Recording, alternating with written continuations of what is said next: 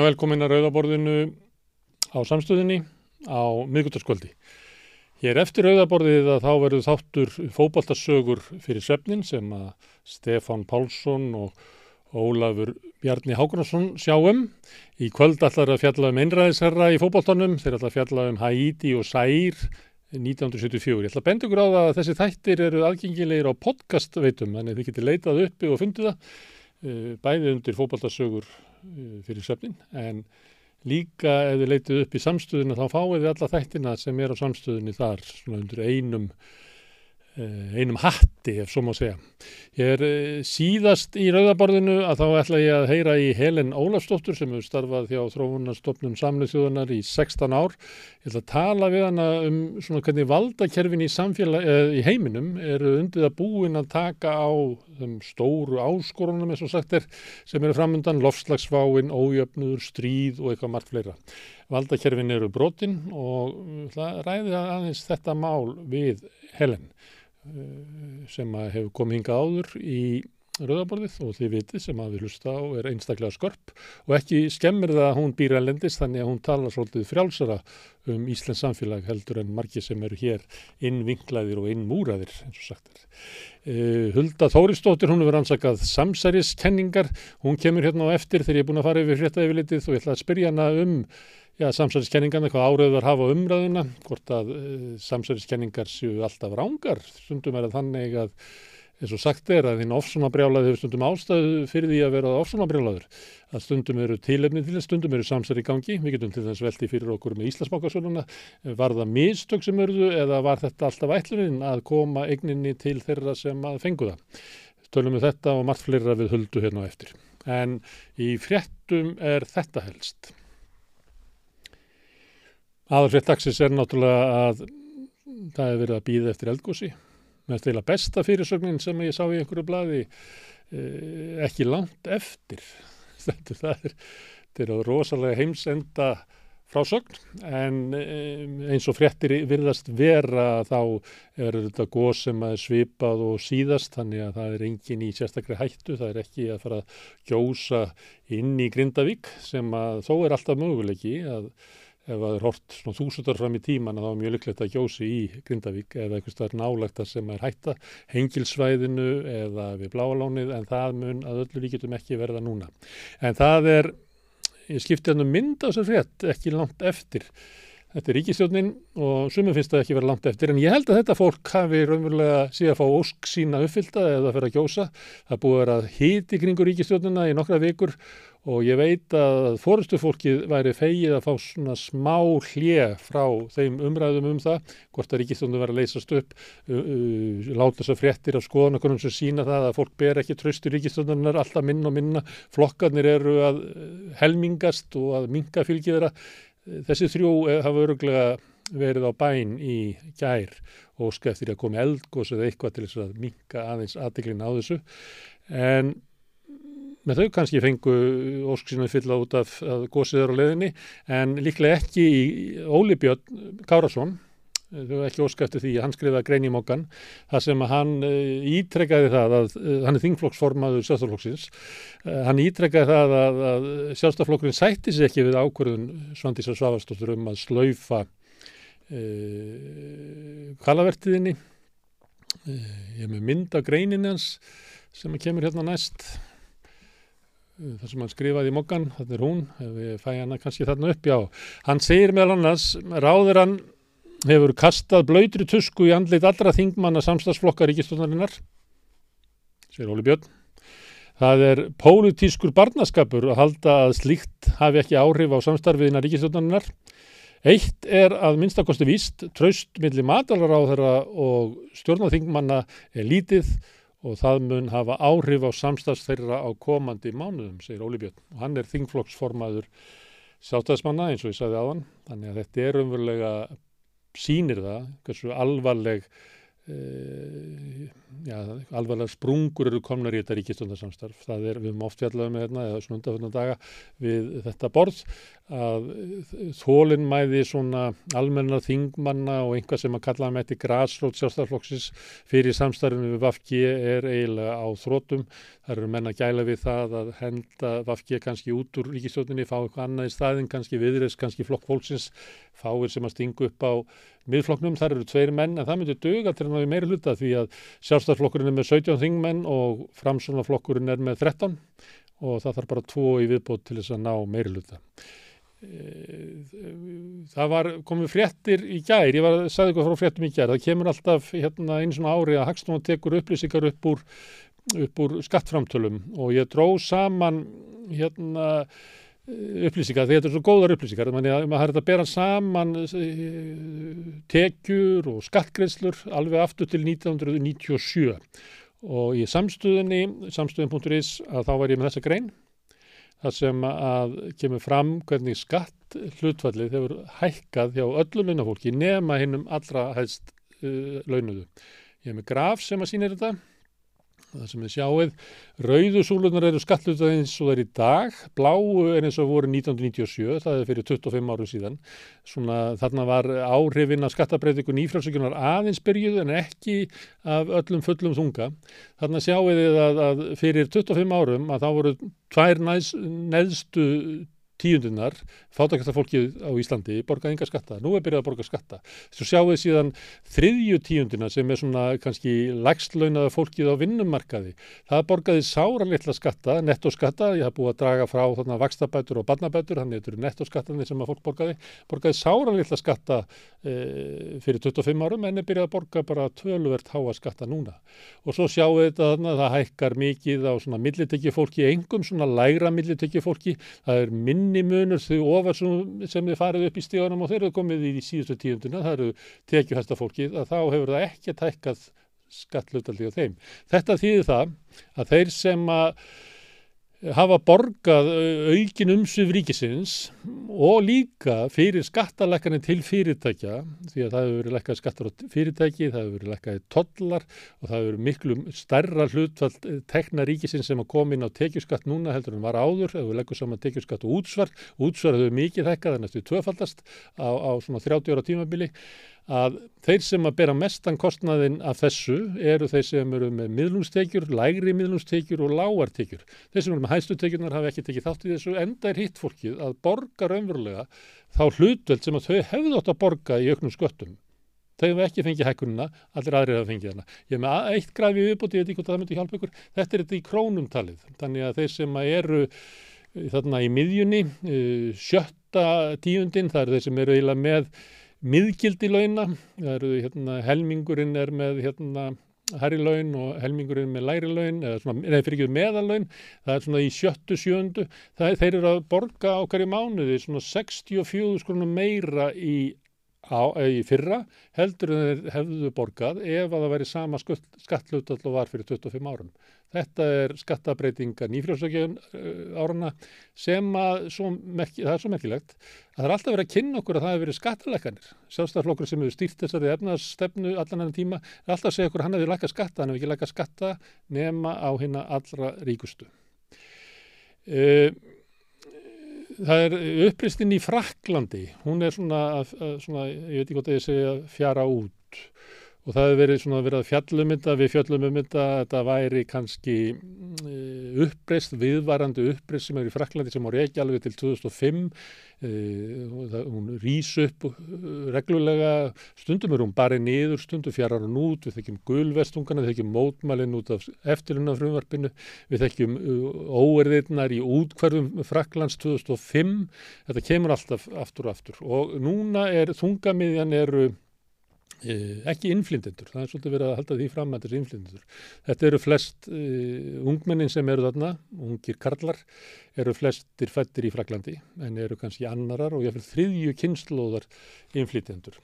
Það er nefnilega þannig að, að Frakland var lengi vel svona degla uh, þjóðanna, það eru uh, Fraklanda stórveldi og fólk fluttist til Fraklands frá Ítalíu og Spáni og Pólandi og Rúslandi og við þekkjum þetta, ég menna Platini spilaði fókbólta, hann er í Ítali Eh, Picasso bjó í, í París eh, svo getur talið áfram áfram við þekkjum við sjáum bara um nöfnunum Sarkozy að, að þetta er augljóslega maður sem á ættir að rekja til austur Evrópu og þar handur göttunum þannig að Frakland gata á 19. öldinni tekið allar þjóðir inn og breyttum og feltu inn í svona franska menningu þegar að svona upp úr síðustu aldamótum þegar það var að koma vinnuafl frá Norður Afríku þá hætti þetta. Fólki sem kom frá Norður Afríku það var ekki blandað inn í franst samfélag og, og var haldið utan og það var hugmyndin var svo að ef þú varst muslim í Fraklandi þá tilhörður muslimsku samfélagi sem að síðan væri hluta Fraklandi.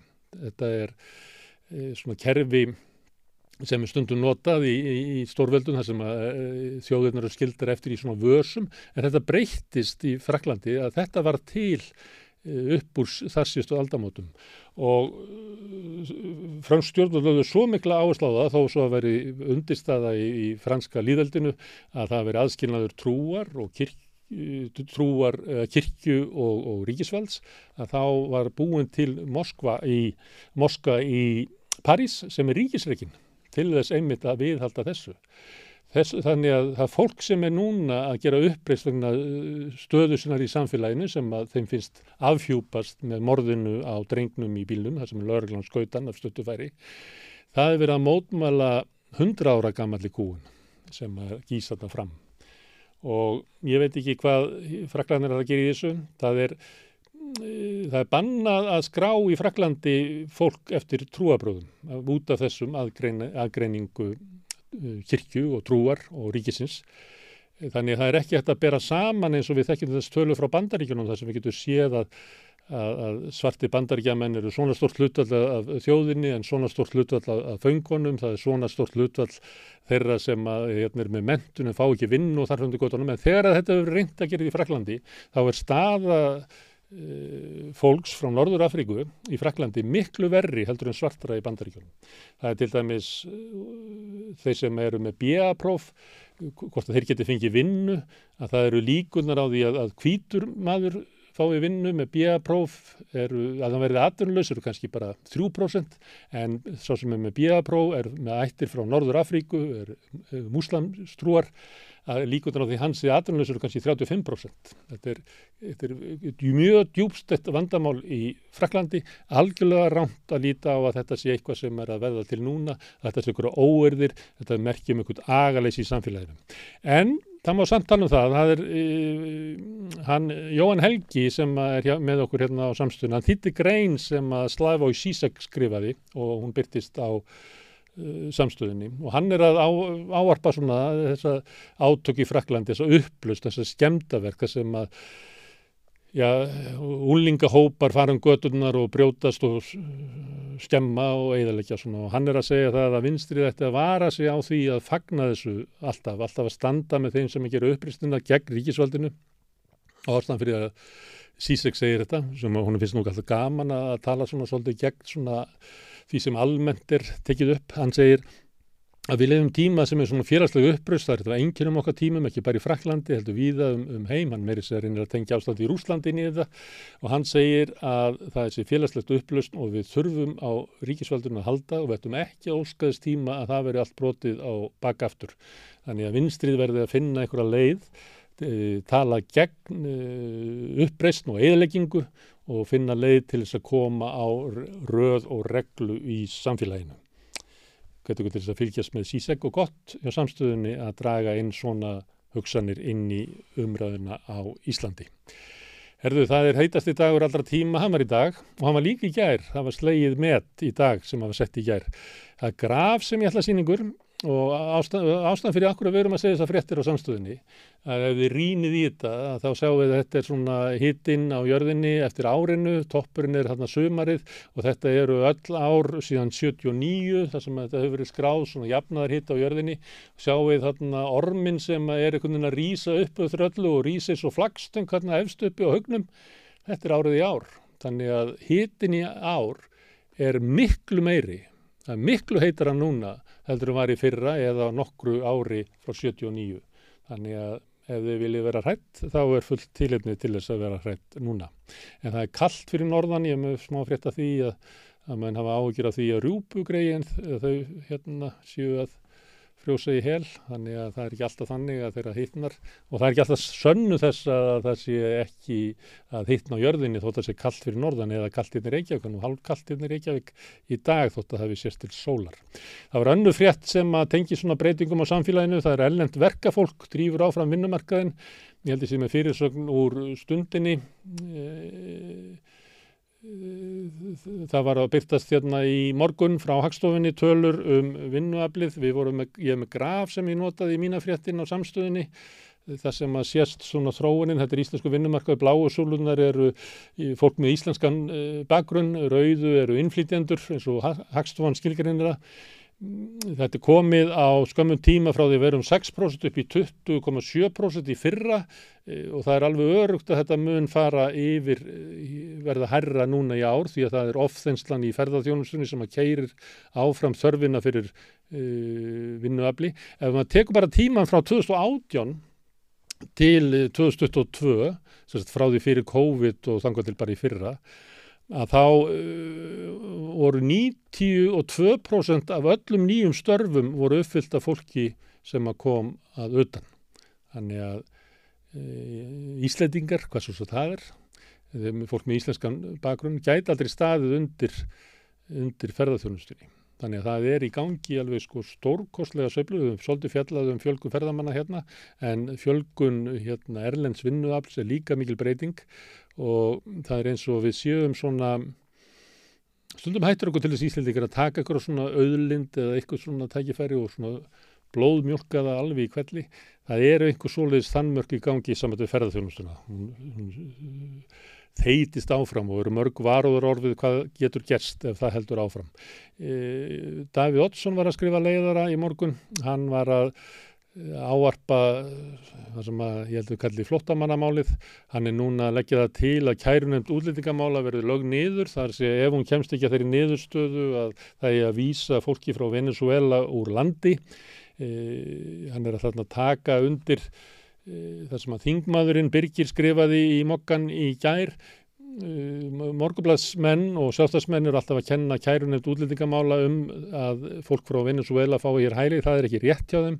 Það voru sjálfstæðsmenn sjálfi sem að breyttu reglunum 2018 það er Áslög Arna var í Dómsmálránundinu og Guðlúðu Þór í Udaríksránundinu þá vildu þau styðja stjórnaranstöðuna í Venezuela íta undir valdaskipti þar með því að bjóða fólki hingað heim, láta hafa forgang flottamanna aðstóð, þau fengur strax fjögur ára dvalarleifi og starfsleifi, við höfum séð það að þetta fólk er að vinna mikið, það er miklu herri hlutfall á vinnumarka heldur en meðal íslendinga, þannig að þetta eru sjálfum sem gengið ágætlega, en sjálfstæðsmenni hafa ekki áhuga þessu fólki lengur og þeir vilja breyta þessu og, og, þeir, og þeir kenna raunverulega e, kærunemdin um það. Kærunemdin sagði að af því að uh, fólk fekk hæli frá Venezuela vegna þess að ástansins í Venezuela áður eins og útlendingastofnun hafði matriðt málið með kvartningu frá ráðurum sjálfstæðsflóksins að það var ekki hægt að breyta um skoðunni í miðri á heldur er verið að sína fram á að það hefði eitthvað breyst í Venezuela, það hefur ekki gerst. En Davíð heldur þessu áfram að hamra á því að þetta er kærunendur sem gerir þetta og það verða að breyta stefnun í útlendingamálum og ég veldi fyrir mér, ætli Davís eitthvað ídlaði við útlendinga, ég held ekki, ég hef ekki hugmynduð um það, en ástæðan fyrir hann er að gera þetta er það að hann metur það eins og svo margir hægri menn út um allan heim, að leið þeirra til valda eru bara tvær eftir. Það er annars vegar að fara í stjórn með svona einhvers svona sósjaldemokrátum, búa til svona fjólubláa stjórn eins og stundum en kallaði að breyða stjórn við miðuna, svipað ríkistjórn Katrínar er hér, svipað síðasta ríkistjórn eh, Merkel var í Þískalandi því að þeir eh, svona hefðbunni sjálfstæðsmenn ná ekki svona hreinum uh, meiri hluta, þeir dugar ekki fyrir það að halla sér upp á flokkum eins og viðreysn og eitthvað slíkt, þannig að valgosturinn annarkot að fara í ríkistjórn með sósaldemokrátum þar sem að vafki eidilegur allt fyrir okkur eins og Óli Björn upplifir það eða þá að keira á útlendingandóð og taka svona öfgahægri með sér, það er ákvörðun sem að mennur að gera út um alla Evrópu. Og þetta er svona pólitísk strategía sem að Davíð Oddsson og félagar eru að komast að í sjálfstafloknum að sé leiðin, þessum eru þeir að íta e, undir eða uh, svona kanna möguleikin á því hvort að næstu kostninga gætu snúist um svo kvöldu flottamannamál. Þetta er nú þannig og má fylgjast með þessu og það er, maður fylgjast með þessu að þetta gerist mjög víða, maður lesa marga greinar, hvað er sagt á internetinu, það er hérna, sjálfstaflokkurinn á hraðleiði þess átt. Það er einn frétt hérna um dýrtíðina, það kostar 2500 krónur að fá sér bjór á krana í gisti heimil í hlýðakverðinu. Ég slóðu þessu inn, þetta eru 17 eurur eða 18 dollarar, ég veit ekki hvar í veröldinni maður ætti að komast inn til þess að kaupa svona dýran bjór í Európu eða í Bandaríkjónum en svona er þetta á Íslandi. Það er einn, ég veit ekki hvort það sé við hæfi, við höfum ekkert verið með það að vera með svona skonna frétt hérna í lokin en ég er með mynda frétt sem mér fannst hérna skemmtilega. Það var viðtalið þennan mann sem slökkulismadur í uh, sjónsvirtunum og þetta er út af því að kveiknaði rútu hérna á Mósusseiði og við skulum hafa myndina uppi því að, að í frétt þegar undir þessari mynd að þá sagði fréttamæðurinn og rútan er ger ónýtt þið sjáu það hann á bakvið hún er, hún er eins og svona hún er eins og beinagrind af rútu Herðu, en við ætlum að fara og tala við fólk út á götu eða það er Karl Hjeðin Kristjánsson sem ætlar að gera það hann ætlar að tala við fólk út á götu um krónuna og stjórnmálamenningun á Íslandi sem er alveg í takt við það sem við ætlum að ræða við Huldu og Helen hér á eftir. Evru eða einhvern annan gjaldmiðil í staðin fyrir krónuna? Mér langar ekki sérstaklega til þess en ég gerir ráð fyrir að það væri skynsannlegt að gera það þjóðarinn að vegna Af hverju? Finnst þið krónan óstöðug eða heldur hún sé slæm? Já, það er bara vegna smæðar sinnar þá, þá er svo margt óstöðugt í landinu þess vegna Það voru einu sinni alltaf önnur mynd á Íslandi og það líður engum illa í dag þó að það hefur verið hætt við hana ég talaði alveg eins með þessa krónu þó hún hyrfi þá myndu við sem erum að fjara út sakna hennar smástund en þið yngra fólkið myndu aldrei gera það. Sko, ef við hefðum ekki krónuna þá erum við lengur komin á hausin. Það er bara svo einfalt. Viltu taka upp evru eða annan gjaldmiðl í stað krónunar? Ég er svona begja blans með að ég hef, ég hef ekki ég hef ekki séð rökin fyrir því ennþá en, en ef ég fæ góð rök þá er ég alveg til ég að hlusta á það. Ég er miklu frekar til ég bara núna að festa krónuna við eitthvað, við eitthvað gjaldmiðl. Ég hef, veit ekki með efruna því ég veit ekki hvað það kostar okkur að fara út í efru. Ég held að það sé voðalega létt að geta sagt þetta en ég, það er ekkert búið í grunni þetta neitt og ekki sí, síður að uppfæra okkur um það hvað þetta kostar. Nokkrar í viðbútt, finnst þér alþingismenn betri á þessar öld uh, en þeir voru á síðustu öld eða eru þeir bara eins eða verri? Ég hef einmitt verið að taka til því að mér finnst sérilagi ungar konur á alþingi dag uh, flottar, bara uh, eins og vitsmunaverur en um, kallmenn hafi ekki alltaf verið það. En mér finnst það áberandi hvað er mikið af ungum flottum stjórnmálakonum í dag og þær er að fara, færa stjórnmálun á herra stig heldur en það var. Þær eru að leiða áfram menningabreitingu í, í alþingismenn. Þetta voru ekkert um að hrossakaup hérna áður fyrir og, og, og og, og dílar nú vinna þeirra skinnsemi. Þetta hefur breyst. Mér finnst sko alþingismenn svona yfir höfuð sangast sjálfur sér en þeir segja aldrei meira þetta en þau þurfa. Þannig að það lí, liggur lígin af því að það er ekki saður allir sálíkurinn og það getur orka tímælis. En ég veit það ekki, mér finnst alþengismenn líka í dag sko kaldari, segja meira og eru, þú veist, þeir eru ekkert að heika við og þessi, allt þetta nýja fólk sem hefur komið, það, það heldur svolítið í þessa gamla. Finnst það betra eða verra? Ég held að það sé betra, það er betri upplýsingar, maður fær að vita meira, maður veist ekki neitt í gamla þetta, þá bara var þetta bara svona og þú kannst bara hafa það alltaf baka tjöldin og e- enginn fekk að vita neitt. Það var ekkert betra þá, ég held ekki, ég held að það hafi verið sami, sami skýturinn.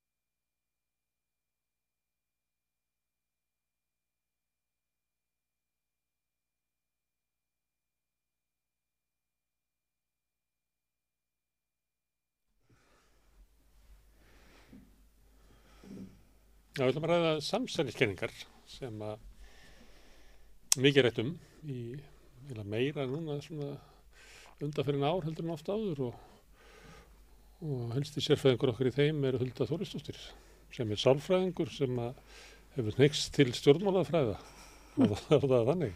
Já, má vel orða það þannig. Þannig þú veit til að skoða pólitíkina út frá svona sálfræðilegu mikli. Já. Segðu mér hérna, af hverju er verið að rannsaka útbreyðslu samsælskenninga? Er það því að þær eru nú svo ábrendi, útdreifðar? Eða hvað? Sko, um, ég byrjaði að skoða samsæriskenningar árið 2015-16 og ég vildi geti nú sagt ekkur að fallega tilvist að sögu að því að þetta hefði leitað ekkur um þungum þöngum að minna hálfu en, en eins og oft er það var það nú meira kannski tilviljun sem reyði að ég datt inn í svona Evrást rannsóknarsamstarf sem er eitt af gjöfulasta sem ég hef upplifað í e, bæði bara því sem lág eftir þetta samstarf í formi bóka og, og rannsókna og greina og, og allskynst hengsla og aukina þekkingar á þessu sviði. Þannig að þegar ég byrjaði á þessu 2015-16, þetta er um það leitið sem að e, verið að kjósa Trump og, og Brexit er í gangi og svona og þetta er svona, þegar ég byrjaði eins og í þessu rannsókna samstarfi, þá er þetta ekki komið að stað og þá er það ennþá svo að það að rannsaka samsæriskenningar þykir svolítið svona nánast krútlega akademisk eðja Mm. og svona svolítið fánýtt. Svona já, já, bara gaman hjá ykkur að vera að skoða þessar litlu skritnum samsæriskenningar um morði og JFK og, og svo framvegs og framvegs. En þetta kannski skiptur nú ekki mjög miklu máli. En þarna voru ímsir, þarna voru margir fremstu samsæriskenningar rannsakandur heims og þetta var svona þver faglegt samstarf. Þannig að það voru bókmentafræðingar, uh, heimsbyggingar, sagfræðingar og, og fólk og félagsvísindum, sálfræði og svo framvegs. Og fólk sem hafi helga sín akademiska feril þessu. Og síðan gerist það bara meðan þetta rannsóknarverkefni eða samstarf á sér stað, það er í svona rúm fjögur ár, að þá allt í einu bara fer allt í gang Mm. og við sjáum bara að það sem áður var svona nánast svona eitthvað jaðar og efni í, í fræðunum bara sko margfaldast í áhuga og, og mikilvægi og bara samfélagslegum áhrifum sáum það náttúrulega með Brexit og svo með allt sem fylgir uh, kjöri bandarækjafósita Mm. Donald Trump, QAnon og svo náttúrulega COVID og þá eiginlega kannski tók steinin úr eða svona svipaleiti. Mm. Um, En að, hverju gerist þetta? Eh, maður gæti hugsa sér svo að, að þarna sé svona ríkjandi hugmyndir að veltaði fyrir sér af hverju töpu við þarna Brexit og af hverju vann Trump. Þannig að það lítur að vera eitthvað svona annarlegt sem er í gangi sem að er utan þess sem að, hvað það segja, ætti að vera. sko, eins og til þess að maður kannast við þarna var bara trúað í, í fjölmiðlum að rússar höfðu hlutast til um kostningarnar og þannig að Trump vann. mhm. Þetta er náttúrulega svona samsæliskenning sem að var eiginlega haldið fram af stofnunum samfélagsins. já, það er svo sannlega gömulsáni að þeir sem að tapa kostningum, Mm. þeir eru bara mjög líklegir til þess að gefa rækjulega undir fótinn Mm. allskinn samsæriskenningum sem að styðja, uh, svona útskýra þeirra tap. Mm. Þetta höfum við séð bæði hjá, þetta er náttúrulega alltaf mest ábyrjandi kannski í bandaríkjunum, þetta höfum við séð bæði hjá demokratum og republikonum í gegnum tíðina og ég myndi eins og þú nefnir bara svona demokrata trúðu svona bara rángfærslum um eingrip uh, rúsa í, í kostningarnar. Um, ég veit ekki hvort að sko við getum sagt að, að, að það hafi gerst eitthvað sérstaklega sem tengir samsæriskenningu sem olli Brexit eða, eða kjöri Trump. Við En náttúrulega- áhugi á samsæliskenningunum er tengt þessu.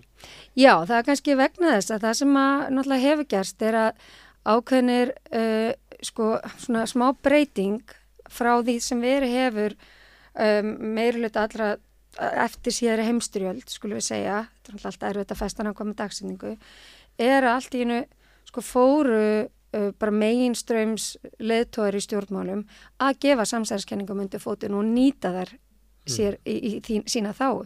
Það höfðu við ekki séð svo mikið áður. Og þetta er ákveðin breyting sem á sér stað þarna í kringum Brexit. Og það er náttúrulega þessi eh, kenning sem er the great replacement theory sem að var gefið undir fótinn þar. Ég, það er að sjálfsögðu langt í frá ykkur eina að ég hafi líkil ástæði þess að mm. breytar kusu þessu út úr, út úr Európsambandinu um en það er kenningin að uh, að hópar strangtrúðara múslima í meðstulöndum hafi sendt múslima til Evrópu gaggjart í þeim tilgangi að taka yfir uh, Vesturlönd og koma þar á sérjálögum. Mm. Svo eru alls konar variantar af þessu hvernig þess, þetta á að fara fram í raun, hvort það er með verulega miklum barnignum eða með valdaráni eða hvað það er ólíkt það. En, þannig að það er svona kenning sem var gefið undir fótinn þar en auðvitað uh, samsæriskenning í bandaríkjana stengist QAnon og svona, hún fer náttúrulega ekki á flug eða ekki, hefur ekki rauninu afleiðingar inn í stjórnkjörunni fyrir en að Donald Trump tapar mm.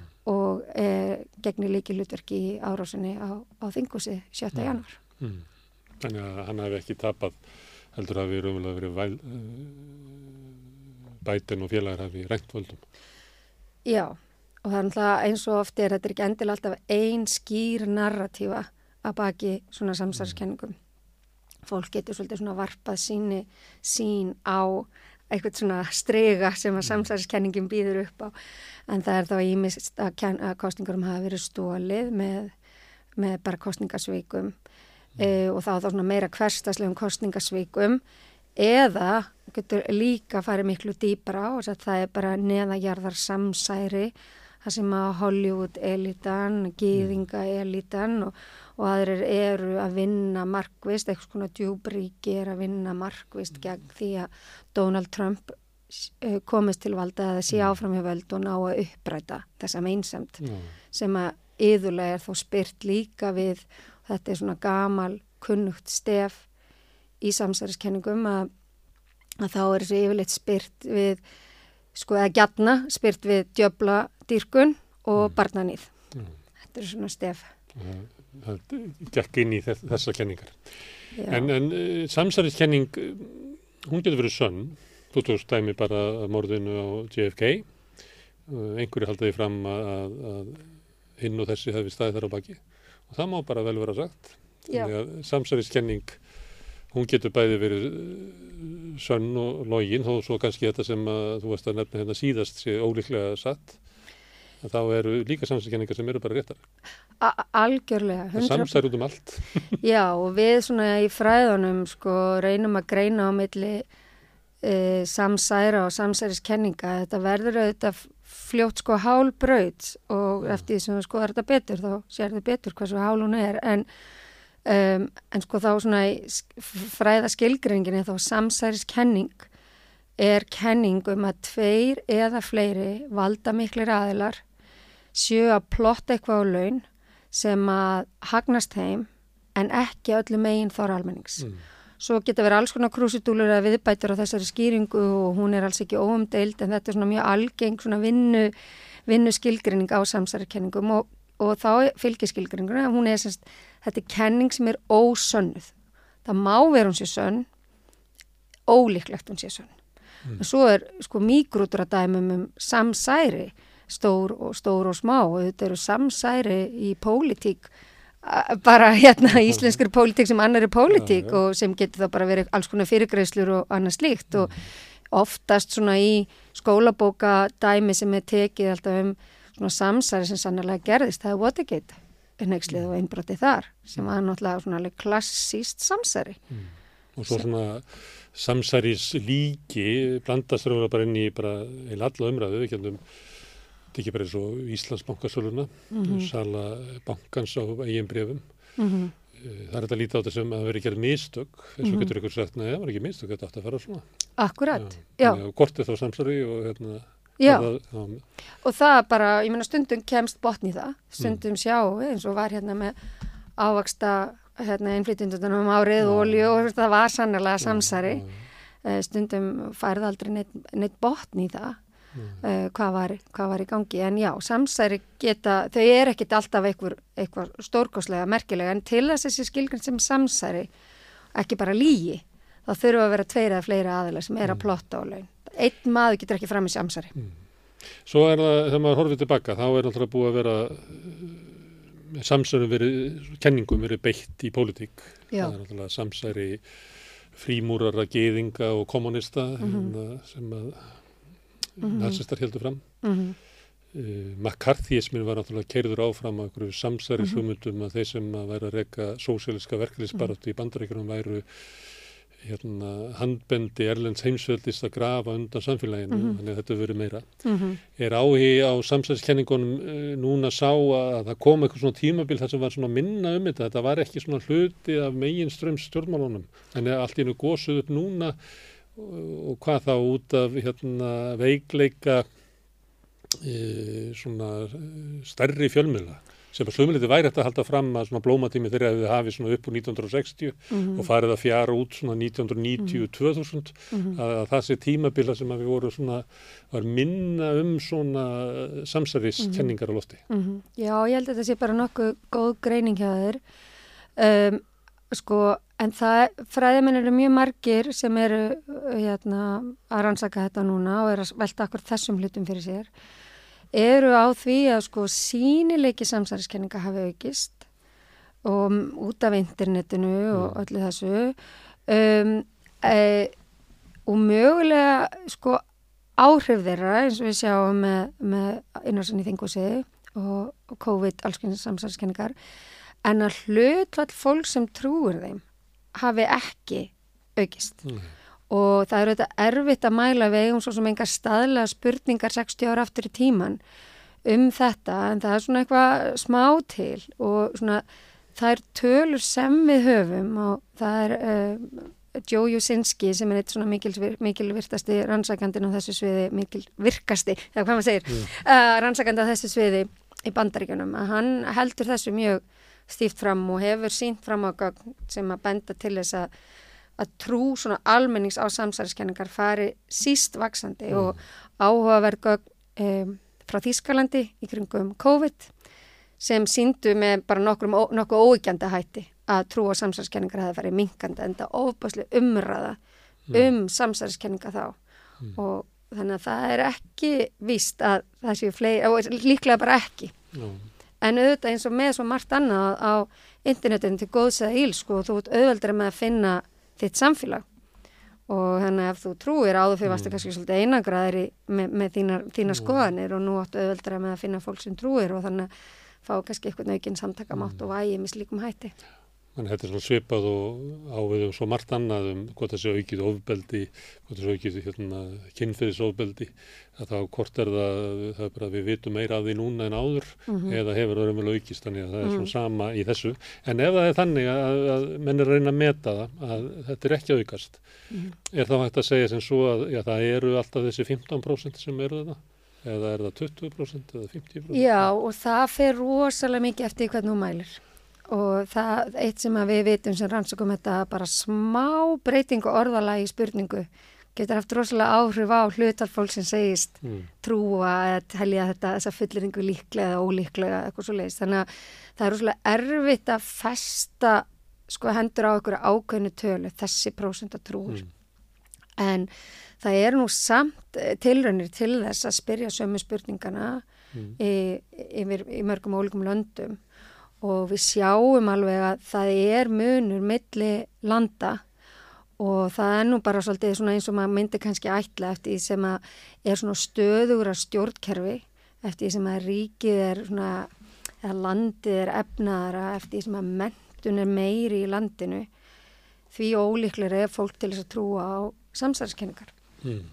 og það eru auðvitað svo að í mörgum löndum er, er það síst fráleitt að trúa allskynns slæmum mm. samsæðiskenningum upp á yfirvöld Mm. og það er mjög víða tíðkast í gegnum tíðina og tíðkast víða enn að yfirvöld stjórna með samsæðiskenningum. Þannig að það er eh, ekki rasjonalt að trúa því að það sé ekki verið að beita samsæðiskenningum.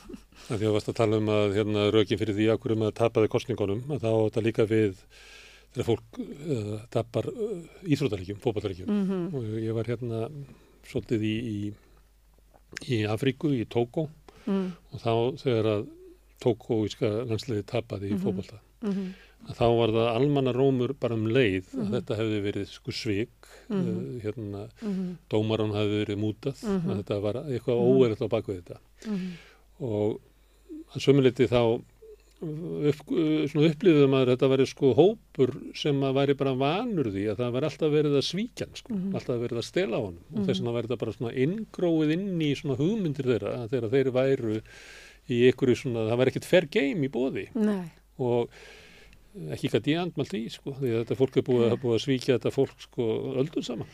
akkurat og sko er áhvert að heyra þið segja þetta og, og því náttúrulega hér á Íslandi þú tapar þá var dómarinn já. en þú kannski svona fæstir sem teljónum hafi verið múta, hann er bara óhæfur eða kannski mögulega illa innrættur eða eitthvað svo leiðis en, en það er vegna að við höfum kannski ekki sögu um, um, um slík sko dómara neyksli allavega ekki, getur ekki fært þetta verið Eurovision, þú getur fengið Íslandika til að tala um sko stórkostlegt samsar í atkvæðagreslum í Eurovision sko. Já, akkurat sko Hvernig Tyrkirnir og einhverju standa saman í einhverju stórkostlegu samfæri gegn Já. okkar frábæra lagi.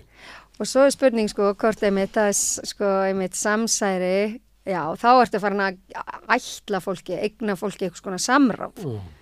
En, en við vitum náttúrulega að við erum mjög líklega til að kjósa á allt Svíþjónur eða Danmarku í okkar atkvæðagreislum og ekki það samsæri heldur auðvitað smekkur. Það fyrir ekki, ég dróði aðeins frá þessu, að ég var eiginlega að taka dæmið að tóku til þess að spurja þig hvort það sé ekki þannig að, að í sumum hópum þá eru samsæðiskenningar algengari vegna þess að það eru bara hópar sem að, að er stundar samfyrir gegn. Jú, og, og í þessu samingi er klassist að taka dæmi um, um uh, svarta Ameríku, uh, svartfólki bandaríkjunum sem að náttúrulega uh, ekki alltaf mjög farsæla sögu í samskiptum sínum við yfirvöld, svo ekki sé fastar orði kveði og dæmi um uh, að þau hafa verið notu og að vitandi verið þáttagöndur í, í ógeðslegum uh, livjaransóknum eða lækna, svona, læknaransóknum og, og fyrir utan þetta misbyrningu valds, lauruglu og svo framvegs. Þannig að það hefur löngum verið svo svartir í bandreikunum miklu líklar til að trúa samsarskenningum heldur en hvítir. Nú einhverja nýjar tölur sem benda til þess að það sé að breytast, þannig ég veit nú ekki alveg hver staðan er á því. Kannski vegna þess að hluti af, af hvítri verkalisti að þeirra bara dunka niður í, í Já, lífskeiðum. það má vera vegna þess sko, en, en jú, að sjálfsög, og það er bara eins og að nefna aðan, hvort sem það eru tilteknir hópar innan samfélaga um, eða, eða heilu samfélögin, uh, það, það sem að það er bara mjög, uh, mjög eðlilegt skinsamlegt að að trúa samsæriskenningum, en svo er- verður maður sko, þegar maður talar um samsæriskenningar, þær eru svo ofbóðslega, þær eru svo stóru rófi.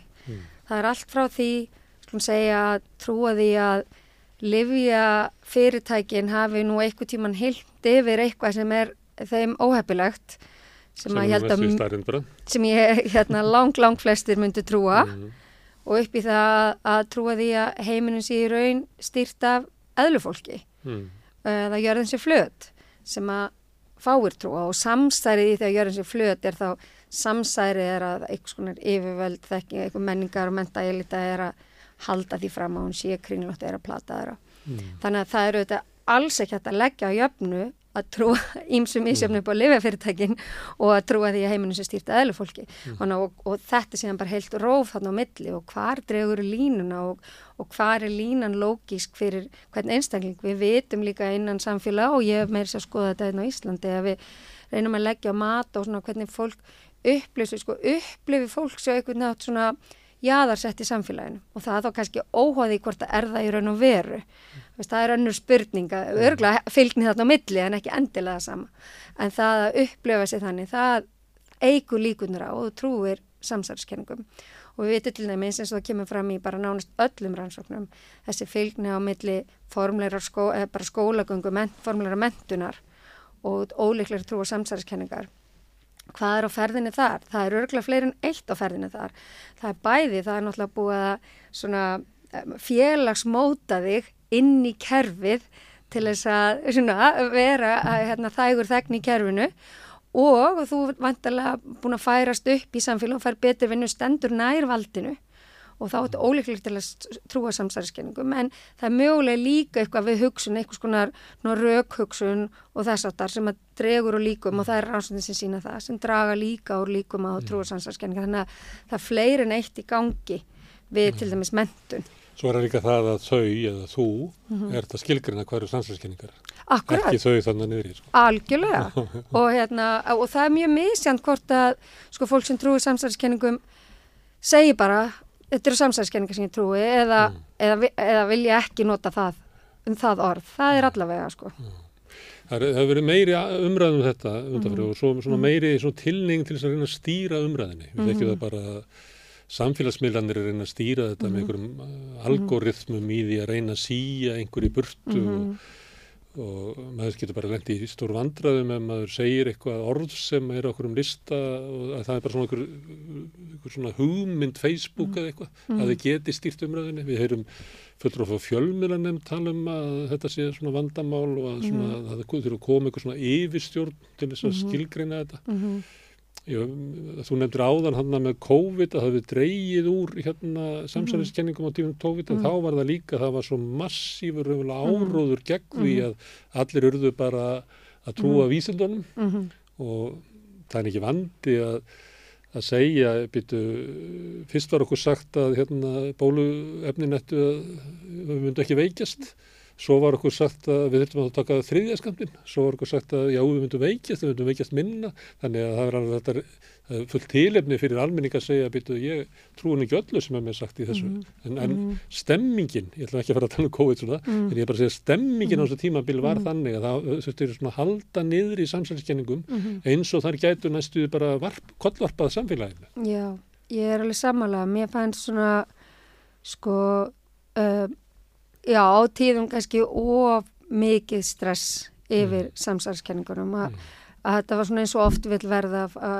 umræðin og ofbúslegar áhyggjur af einhverju sem er samfélagsmein þá stundina, Mm. hvort það er unglingadrykja eða eitthvað, veist, og það verður bara stóra áhyggjumálið og, og algjört tabú og hérna og það var svolítið svona á, ég segi nú ekki paranói, en, en svona það var svolítið svona sterk svona sterkur og, og við sjáum á svona sterk andstæði við samsæðiskenningar og sáum náttúrulega eins og landi eins og Íslandi sem við myndum oft svona mi mikla Mm. hjarðhegðun að það var mjög mjög lítil stemning fyrir samsæðiskenningum hér og við sjáum það bara í rannsóknum okkar þar sem við erum að spyrja fólk um ímsa samsæðiskenningar tengdar COVID að það var mjög, mjög látt hlutvall að minnst að kosti í okkar könnunum að það er náttúrulega ákveðin skekkja í þeir sem að fást til að svara könnunum en það var mjög látt hlutvall og á alheimsvísu sem að trúði nokkrum samsæðiskenningum um COVID.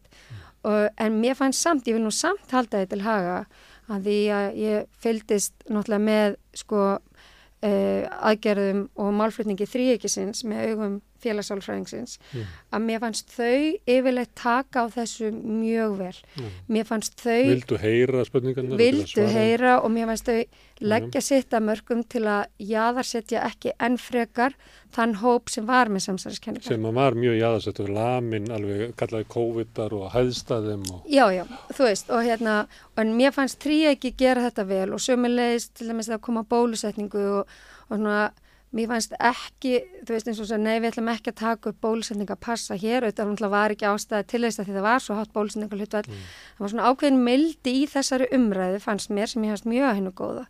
Það er að síðasta sem hún vil gera er að jaðarsetja enn frekar þá og tala enn frekar niður til þeirra sem að telja að sé verið að ljúa þeim nú þegar eða ekki, ekki allir sannleikurinn sagði þeir. Mm. Herri, ég heyrði ekkert um að segja það að, að í svona samanbörðaransóknum, sem að verða að spurja Íslandinga í samanbörðu aðra, að það væri fleiri vinstramegin á vengstjórnmálana á Íslandi sem að væri opnið fyrir samsverðskenningum. Já, sko það var hérna rannsókn sem ég gerði árið 2017 og það var svona líkinda úrtak þjóðarina þannig að þetta endur spekla hana sæmilega vel. Það sem að fólk er einfallega beðið um að staðsetja sig á hægri vinstri kvarðanum og, og það gerir það þá bara eins og því líður með það.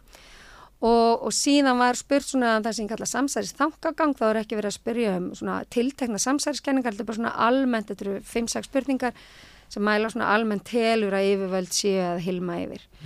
Og yfirleitt sjáum við í löndum að svona jafnaði að það er tengsl við það að segjast vera til hægri og trúa, trúa þessum hafa, mælast hærri á þessum samsæristangagangi.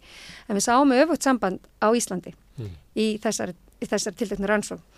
Og ég veit ekki sko hvað veldur, uh, þetta getur haft með það að gera hvaða stjórnvöld eru við völd akkurat á stundina.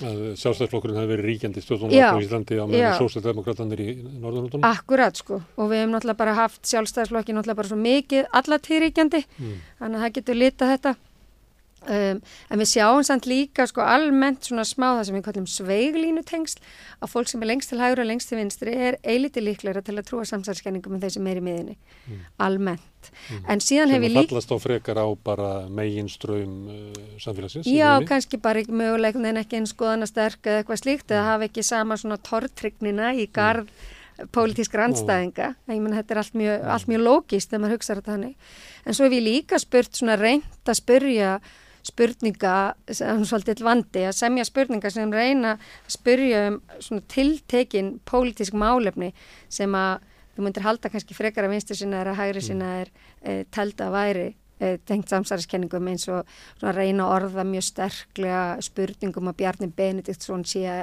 sé að plotta og hilma með sinni, yfir með sinni fjölskyldu og eitthvað svona mm. og sjálfsögðu færðu þá bara það er bara þá skipting á milli vinstur og hægri sem maður ætti vona á. Mm. En við sjáum almennt og maður langar endilega að fá að tala eins um það í mínum rannsóknum að, að á Íslandi er óbáslega lítil trú á vísinda tengdar samsærskenningar. Ég talaði hérna á hann um COVID mm. en þetta á líka við til dæmis um uh, uh, lofslagsbreytingar. Fólk trúur því almennt að það reysi stað við það eru afskapla fáir á Íslandi sem hafna þróunakenningunni mm. og, og svo framvegist þannig að mjög og já þannig að en aftur á móti svona pólitískar samsæriskenningar hvort sem þar við reynum að semja spurningar um svona heima tilbúð uh, mm. samsæri eða Íslands, sér Íslands samsæri eða Erlend 11. september eða þessi great replacement þýri sem ég talaði maður um mm. að þá virðast Íslandingar ansi hallir undir þær En hvað er þá í þessu Íslands samsælskenning? Já, það er, það er mjög erfitt, sko, eins og ég sagði þannig, við reyndum að semja um, eh, um Bjarnabén mm. og svo hefur við spurt... Hann gengi erinda hinn á auðugu? Já, eða sko, hann væri fyrst og fremst í stjórnmálum til þess að stuðla hagsmunum engin fjölskyldu. Já, mm. og ekki, bara það væri hans megin tilgangur, hann mm. væri bara plotta, það væri það, væri það sem hann væri að gera, vakti fyrir honum. Mm. Um, Þannig að Íslandikar eru uh, svag fyrir þessari tegund af samsælskenningum mm -hmm. en síður. Já og sko því miður auðvitað eigum við ekki til neinn gögg frá því fyrir hrun mm. En maður getur ekki annað en, en svona veldi fyrir sér hvort þetta tengist því þessu, þessu algjöru falli í trausti til stjórnmála við hrunið og allt sem því tengdist og allt sem gerðist og sem var meira hér heldur en annars þar minna tröst á stofnunni samfélagsins hér heldur en annars þar, minna tröst á þjóðsingið minna tröst á ríkistjórnina við erum að sjá bara mælingar á, á ríkistjórninni og, og stjórnmálamannum sem myndur bara segja af sér annars þar sko, það er svo séu ótrúlegt þól íslenskar valdastjættar að vinna íla gegn vilja almennings. Já, sko, mér náttúrulega kannski erfitt að segja sko heldur en annars þar en minnst okkar heldur en á Norðurlöndunum. Já það sem við náttúrulega, það sem við viljum mögulega byrja okkur saman við í þessu samingi sko. þannig að, að það er ekkit endilega látt og komin ykkur til Östur-Európu eða Nei, nei, við viljum ekki byrja okkur saman En hérna, þannig að maður svona hlýtur álíkt að það sé okkur tengsl þarna og, og þess vegna séu, og en, það er svolítið áhugavert að það smitist yfir og líka bara 11. september eða þú veist að við séum almennt vantrúaðari mm. eða svo líklar til að trúa mm.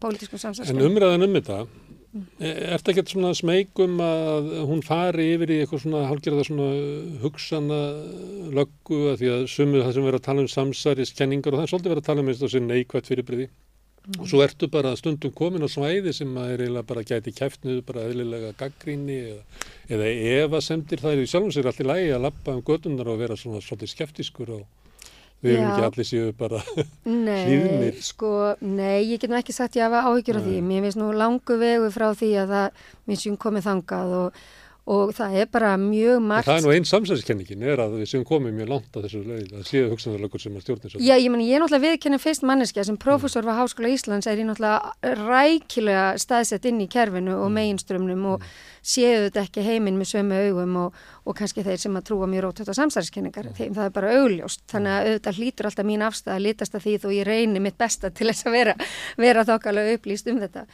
en sko en ég held að sé sko við vitum úr rannsóknum að trú og samsæðiskenningar tengist mörgu neikvæðu hún tengist sko ítrekkað allskins fordómum mm. í garð hópa, kynþáta uh, samkynneira og svo framvegis, uh, gýðinga sjálfsögðu. Þannig að bara í vikunni núna hann með afi og amma að þá voru svona uh, bara út um allt, verið það bara láfið bara inn í rú og bara út um allt. Svona hugmyndur þú hvað má maður þá ekki bara vera afi og amma lengur og á það að taka það að mér? Já, þetta fór aðeins frá heimi, ég var upp á Hálendi og, og hérna, fylgdist ekki alveg með umræðinu en já, ég svona sá einhvern Já. ávæninga að þessu.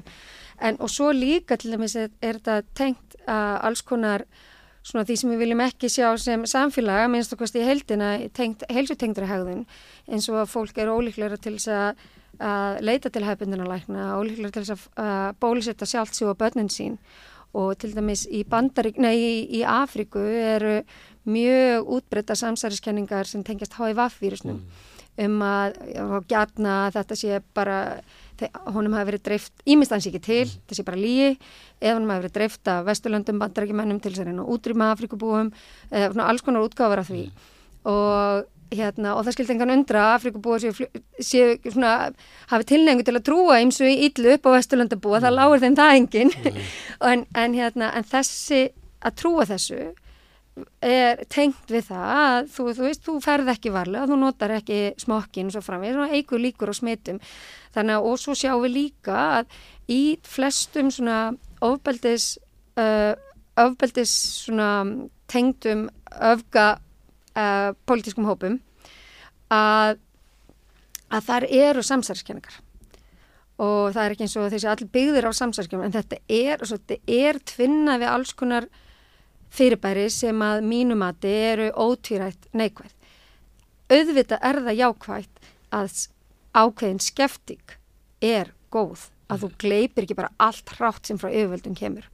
Og eins og með svo margt annað, þá er þarftu auðvitað alltaf bara að vera að finna þarna einhverja línu, hvenar hættir þetta að vera heilbrið e, svona skefting og, og hvenar ertu komin í e, og, og, yfir þá línu. Og svo lína er örgulega ólík fyrir mig og þig sem dæmi. sem er þá svona persónulega ákvörðun en það er svona hugmyndum við, við eigum eiginlega saman umræðina og Já, ég var að vísa til þess að þetta geti orðið að einn samsynskenningin er svo að það sé verið að kæfa umræðina og ég var ekki að meina Já. svona mislundi sjónrót, ég var Nei. bara að vitna bara í Simon Davíð sem að segir að það má ekki tala um þetta og má ekki tala um hitt og Já, já, hann, það, hann bara talar svona alla daga sko. Já, já, það sé þá eitthvað konar annarkort Já. menningarilita, mentailita eða, eða djúbríki eða þetta allt saman sem er að vinna gegn þessu. Já, sannlega. Mm.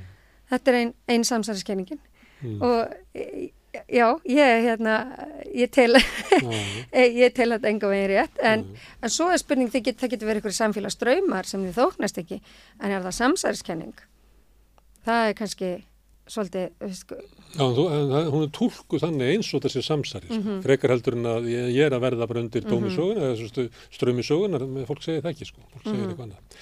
Svo eru önnur, hérna, ég, hérna, rífast upp fyrir mér að, að það var þegar eblingardeila var Mhm. sem helst, að þá voru mjög ríkjandi kenningar og mátti lesa bara í greinum og leiður og mokkans og okkur Mhm. að raunverulega væri Solveig Anna og fórustan í eblingu Mhm. ekki að sækja kjarabættu fyrir sitt fólk, heldur væru það stefnaði að hafa hér verkvall Mhm. til þess að brjóta niður sko samfélagið að innan. Þannig að þar kom upp bara gamla McCarthy tímabils mm samsæriskenningin sem átti bara ágætt líf og það mátti heyra ómafinni hjá mm. frangöldastjóra samtaka aðurlýsins, mm. leiðarhæfandi morgunblassins og bara mjög víða. Þannig að já, ég menn eins og þú lýs... sumt bara verið ekki þetta eiga sko. Nei, nei, nei, nei, eins og þú lýsir þessu þá hljóma þetta alveg bara svona klassísk samsæriskenning Mm. og en það er þá bara ekki nóg að Solveig Anna vildi það einn, heldur var hann að plotta þetta með einhverjum fleirum. Já, og hérna og, og já, væri að skipilegja þetta á laun já. væri að nota verkefnisbaratuna ekki til þess að ná einhverjum kjörum Já. heldur til þess að grafa undan reglu í samfélaginu við vonum að hér er þið bara slegist á göttunum og það verður að gera byltingu þetta Já. var nú bara meina minna sko. Já, já, ég meina það er alls konar svona, ég meit sem þetta er Já, hægt sko, með, með hérna já, svona í, í kaldastrís anda eða hvað maður að segja, kommunistar, já, Já. kapitalistar hvað svo leið sko. Já. Já, ég myndi nú, þetta fór nú alveg fræhjá mig, þessi tiltekna, það var, það var svo mikið mála að fylgjast með allar þessu umræði, eitthvað fór fræhjá mér, þannig að ég hafði ekki Já, heyrt ég þetta. já. Því við höfum leitað mjög mikið, sko, ég og, og Eirikur Bergmann höfum, vorum saman í þessu rannsóknarverkefni og Mm. hann hefur svolítið mikið skrifað um samsæðiskenningar og, og hægri populisma og gefið uh, bæk, bókað bækur um það efni og við, þegar við byrjuðum hérna 2015-16 í þessu rannsóknarverkefni þá vorum við nú, leituðum mikið á svona klassískum íslenskum samsæðiskenningum og svona eitthvað eins og til dæmis er til í Svíþjóðumorðu Ólaf Palme Mm.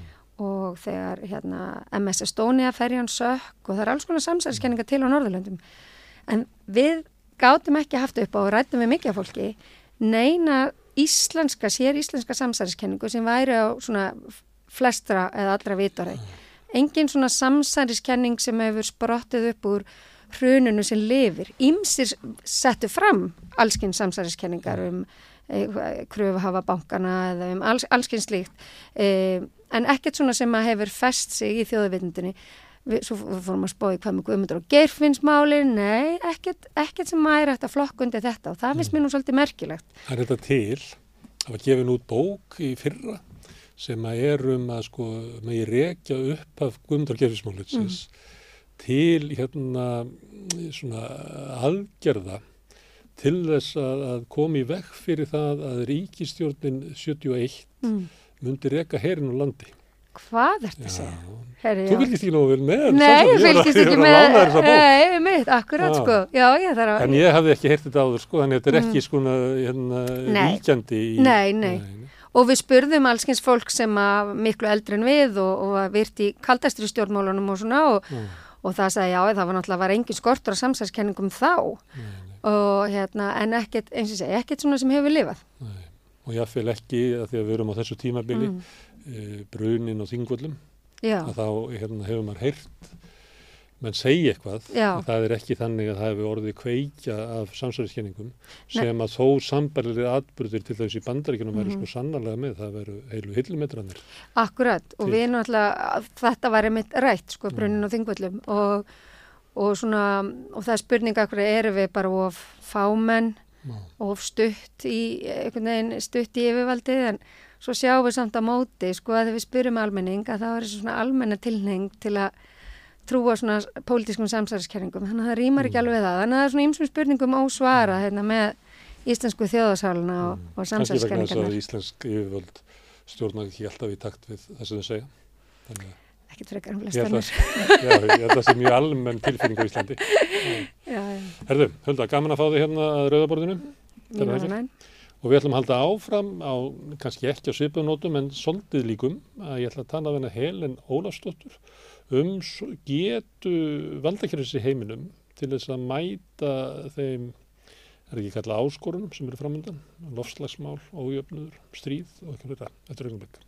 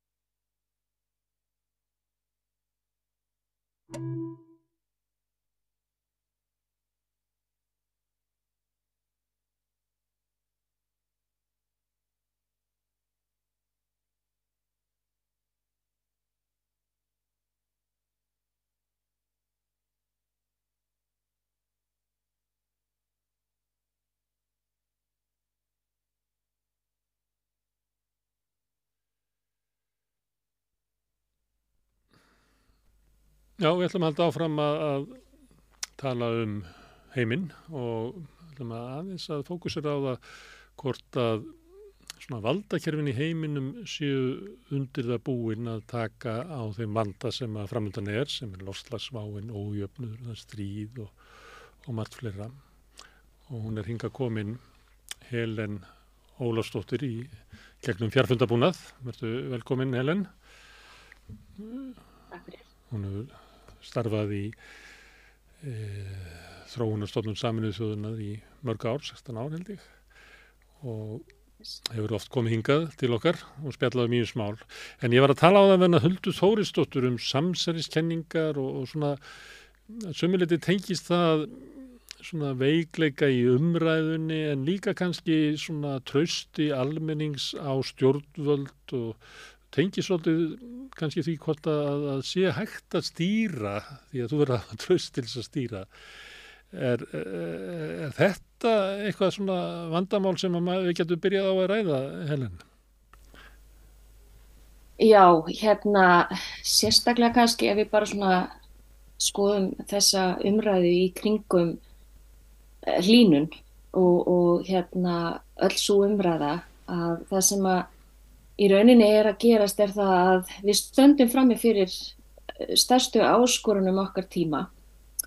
Og til dæmis bara þegar ég horfi á umræðina á Íslandi að hérna hún endur speiklar engan veginn sko raunverulega það sem er að gerast í heiminum hvað verðar nattræna línun og afleiðingar hennar. Þannig að bara svona sem dæmi er að, að ég ætla bara svona að, að setja þetta í samengi við vanna. að 80% af lífriki í ám í Evrópu er horfið út af mengun og út af breytingum á lofslægin. Þetta gerir það verkum að fæðuöryggið er náttúrulega verður gigantíst og hérna menn getur svo bara spekla, veist, spáði afleiðingarnar hérna, og tenginguna þann á milli. Íslendingar einhvern veginn líta svo á stundum þessi svolítið bara ekki partur af þessu, þessari vá vegna þess að það er bara nót til að vatna á Íslandi og það er hvort þessu kallt á Íslandi. Og þá er sko eins og að vanti svolítið í umræðina bara svona sem fræðslu svo ætla að fara út í sko hvar stjórnmálinn náttúrulega eiga í vandræði með og stjórnkerfin okkar er í vandræði með að, að díla við þessu stóru vandamáli en bara svona með Íslendinga sko að, að, að því að það er ekki sko rosalega heitt í Reykjavík mm. þennan máli að þá kemur þetta ekki en við en það er ekkert verið að spá í sko stú, hérna hlínun sjáar, áhrif á sjáar útveg súrnun sjáar uh, hvað til dæmis vorandi orkumálun okkar þegar jöklarnir brána og all okkar orkumál eru byggð upp með sko stíplum og, og hérna jökulár og, og hérna þannig að Íslandingar eru einhvern veginn sko eins og þeir séu bara, þetta komið þeim bara ekki við. En, mm. en náttúrulega þegar að fæði óöryggi í heiminum eigst að þá verður fjöldi flótamanna hann á eftir að markfaldast sérstaklega frá Afríku sem er nú þegar farin að finna fyrir þessum áhrifum og fæði óöryggi verður tengt þá að hærra hérna bara verði á mat almennt og bara frambúða mat. En svo ég bara, síðan er þetta með stjórnmálinn og, og, og getur stjórnmálda til að bregðast við. Að þegar það er svona ákveðin, sérst kannski eins og, eins og ég segi, fólk er ekki alveg tilbúið til þess að, að hérna kaupa þessa laftlas. Það er mjög erfitt fyrir stjórnmálinn ef þau eru ekki með tröst almennings á hmm. réttum stað og bara með tröstið, ég, hérna, núna er ég stödd í Breitlandi og hef verið svolítið að skoða hérna, meðal annars Breitland varðandi tröst almennings til stjórnvalda í Breitlandi og svona, og, og þetta er svona mjög svipað í mörgum öðrum þróunarlöndum, sérstaklega í bandaríkjanum, að þessi, sko, þessi, þetta tröst er að fara niður á við. Mm. Og tröstið er að fara niður á við vegna þess að fólk bara lítur svo á að stjórnmálamenn séu bara þarna fyrir sjána sig og ef við þá lítum á til dæmis getu Íslandinga til þess að ætla að fara að selja fólki einhverja stóra hugmyndur um breytingar að þá er húlega erfitt fyrir stjórnvöld sem eru ja, til dæmis eins og okkar okkar hérna ríkistjórn sem samastendur af þreymur flokkum sem að geta kannski ekki komið sér saman um allt á þessari stundu að geta slíkra hérna, ríkistjórnar til þess að bregðast við vanni með einhverjum hérna, svakalegum breytingum, hún getur ekki gerst og það er líka þegar sjónarmiðin eru svona polariseru og það er mjög víða. Ef að sjónarmiðin eru það polariseru að sko þú ert með á annan vangin þá ertu með stjórnmálamenn sem að sko trúa eða vilja hyggla undir markaðin endalust og, og sjá ekki endilega skynnseminni því að draga úr jöfnuði og að sem allt kannski snýst um það að einhver örfár hópur innan samfélagsins fær alltaf meira og meira og þetta bara er að gerast ekki bara á Íslandi heldur viða í kringum okkur, þá náttúrulega tapast tröstið almennt, við sáum þetta til dæmis í bandaríkjónum þegar Trump var kosin, að, að sko jöfn, ójöfnurinn, hann er að búa til svo svakalega pólarsegingar á öllum sviðum að, að ætlast síðan til þess að stjórnvöld sem er ekki með tröst fólksins á, á, á nokkuri sviði geti einhvern veginn bröðist við með langtíma áallin það það er bara því miður ekki hægt og líka með Ísland sko, við erum náttúrulega allt of upptekina því að horfa í ríkistjórnatíðina og fjármála áallinir. Uh, við erum reyndar sko, það var til dæmis gefin út núna bara í júni, bara held ég nýkomi út, var gefin út svona hérna grænbók um, um sagt, sjálfbært Ísland sem er bara ágetis, hérna, þetta er undir hérna fórstisáðanitinu En, en vandamál er að þú getur gefið út þessi plögg og það getur verið alls konar meðmæli og, og við erum til dæmis búin að gefa okkur út fyrir það að við ætlum sko aldrei að draga úr loftlags hérna, okkar hérna, mm. því að spúa út hérna, kólefnum en, en við erum ekki að standa við það, enga veginn. Og mm. það er líka bara vegna þess að getuleysi stjórnmælda stýrist líka því þegar það er ekki samvinna millir ráðanita. Alls þessi vinna að til dæmis að, að kljást við loftlagsvandan, hún verður að vera algjörlega fyrr pólitísk og hún verður að vera samvinna millir ánita og ekki bara að þetta sé einhver svona engamál stjórnmáluna, heldur þetta þarf að vera samtal við þjóðuna. Mm. Vegna þess að allt í kringum loftslagsvanna sem við erum að standa fyrir núna og þetta er eitthvað sem ég hef líka verið að skoða innan náttúrulega hérna, þróunastofnum saminu þjóðuna sem er náttúrulega í auknum mæli bara farin að snúast um í rauninni hvernig við breyðast með loftslagsvandanum þá er spurningin stóra þessi. Hvernig ætlar að gera þetta án þess að auka ójöfnin? Vegna þess að ýmsar aðgerið sem þú þarfst að taka varandi það að draga til dæmis úr losun geta haft vestu áhrifin á efnaminstu hópana ef þú gerir það ekki rétt. Það sem ég finnst skorta núna er svolítið það þarf að vera ný sín á hvernig við hugsaum hvernig pólitíkin virkar þessi fjórflokka pólitík og þessi sérhagsmuna pólitík og þessi stutta stefna til fjagra ára eh, við þurfum að skuldbund okkur jújú jú, við erum búin að skuldbund okkur við einhverja losum sem stendst í hann ekki neitt. En við þurfum sem land í raunin að vera með okkur eigin þróunar áallun sem er til lengri tíma þar sem allir skuldbunda sig við það að halda í við þessi takmörk og, og að bara implementera slíka áallin. Það er ekki hægt að halda áfram að, að hjakka í sama farinu í sérhagsmuna pólitík þegar við stöndum fyrir jafn stórum bara þessari vá hamfarlínunni sérstaklega en svo eins og þú nefnin menna það er stríð í Európu og með auknu mis eða þess að já, misrætt í heiminum þá bara er flóttamannavandina hann á eftir að fara algjörlega úr böndum og hann er það náttúrulega farin það núna víða í Suður Európu en þetta eftir að stegmagnast alveg svakalega á næstu árum. Mm.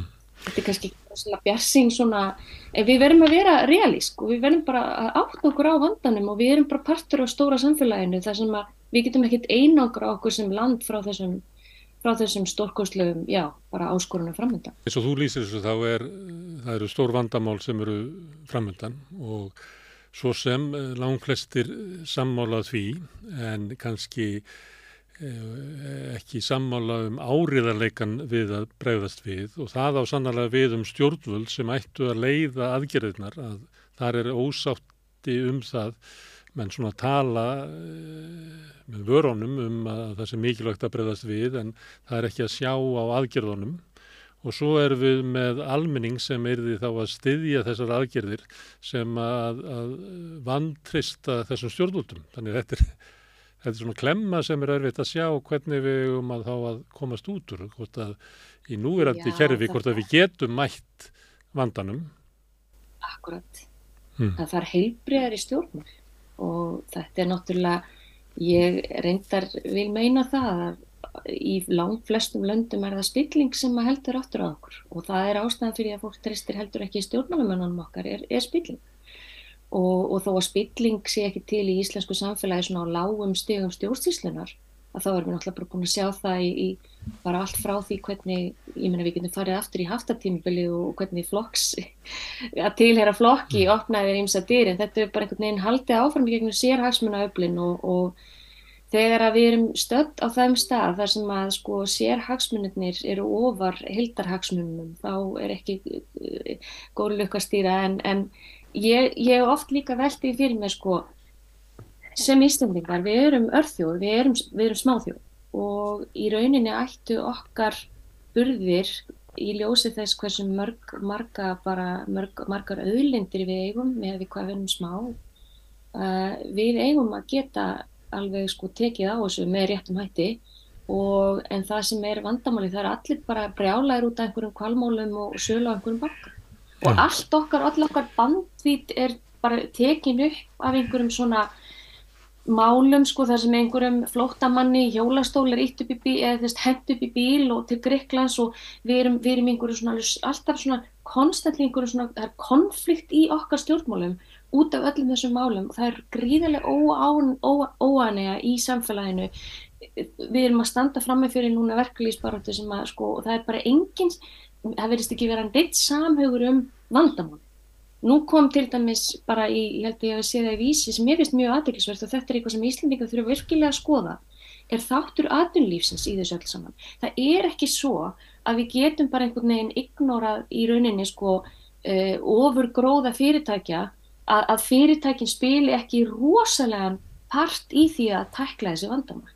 Þannig að tilfarsla á því til þess að díla við þessi vandamál, til þess að koma í veg fyrir ójöfnu, við þurfum að minka polarisýringuna, við þurfum að komast aftur á einhvern pall þar sem við getum sem þjóð einhvern veginn í grundvallar atriðin verið bara sammála um stefnuna sem við ætlum að taka sem þjóð. Öðruvísi gerist ekki þetta og, og þess vegna náttúrulega segi ég fyrir mitt liti það þarf líka bara rosalega mikið að að, að efla einhvern veginn vitund Íslendinga um þær áskorunir sem við erum að fara að standa fram með fyrir.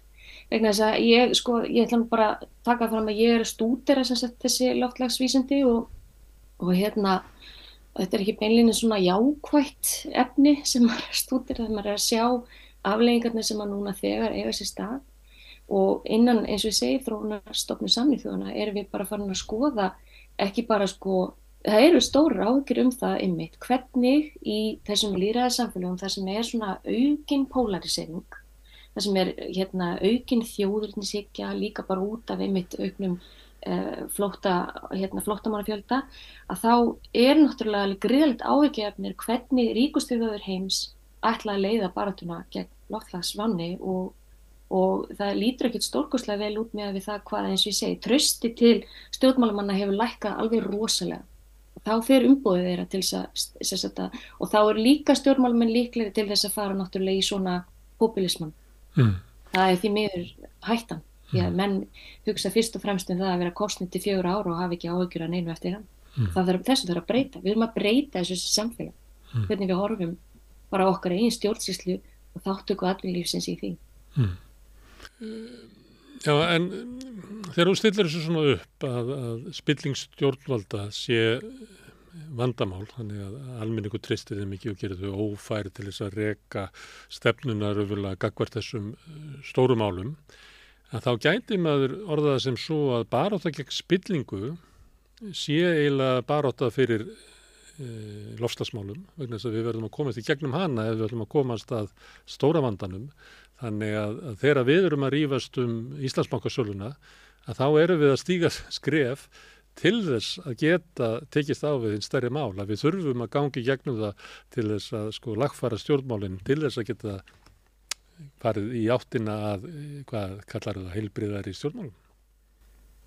Jú, ef að, ef að að stjórnmálin eru fann að snúast að miklu leiti um að hyggla bara einhverjum hópi sem á alla peningana að þá vissulega er, hægt að álíta sem svo að margar aðrar ákvarðanir eru þau teknar eins og til dæmis bara allar ákvarðanir í kringum aðgerri sem, verða, sem þarf að ráðast í varandi minkun og lósun til dæmis. Uh, það skiptir máli hvaða hagsmunir eru þar að leðalósi. Er það hagsmunir bara ferðarþjónustunar? er það, ég meina til dæmis við erum hérna með tonna einhverjum skemmtifæraskipum sem spúa út sko alveg ræðilegum, ræðilegri mengun eh, og svo ætlar þau kannski að setja á hérna bensingjald á sko gaurinn sem er á, þú veist, hérna jarisbílnum sínum sem að hefur ekki skipt um bíl í tíu ár. Ég meina, þú veist, það, það eru allar þessar ákvarðinir hljóta að vera, það, það verður að taka þar á, á grundvöldi þeirra sem að sko að það sé ekki verið að mismuna fólki og að þeir, í rauninni þarf að hyggla þeir sem að minnst hafa.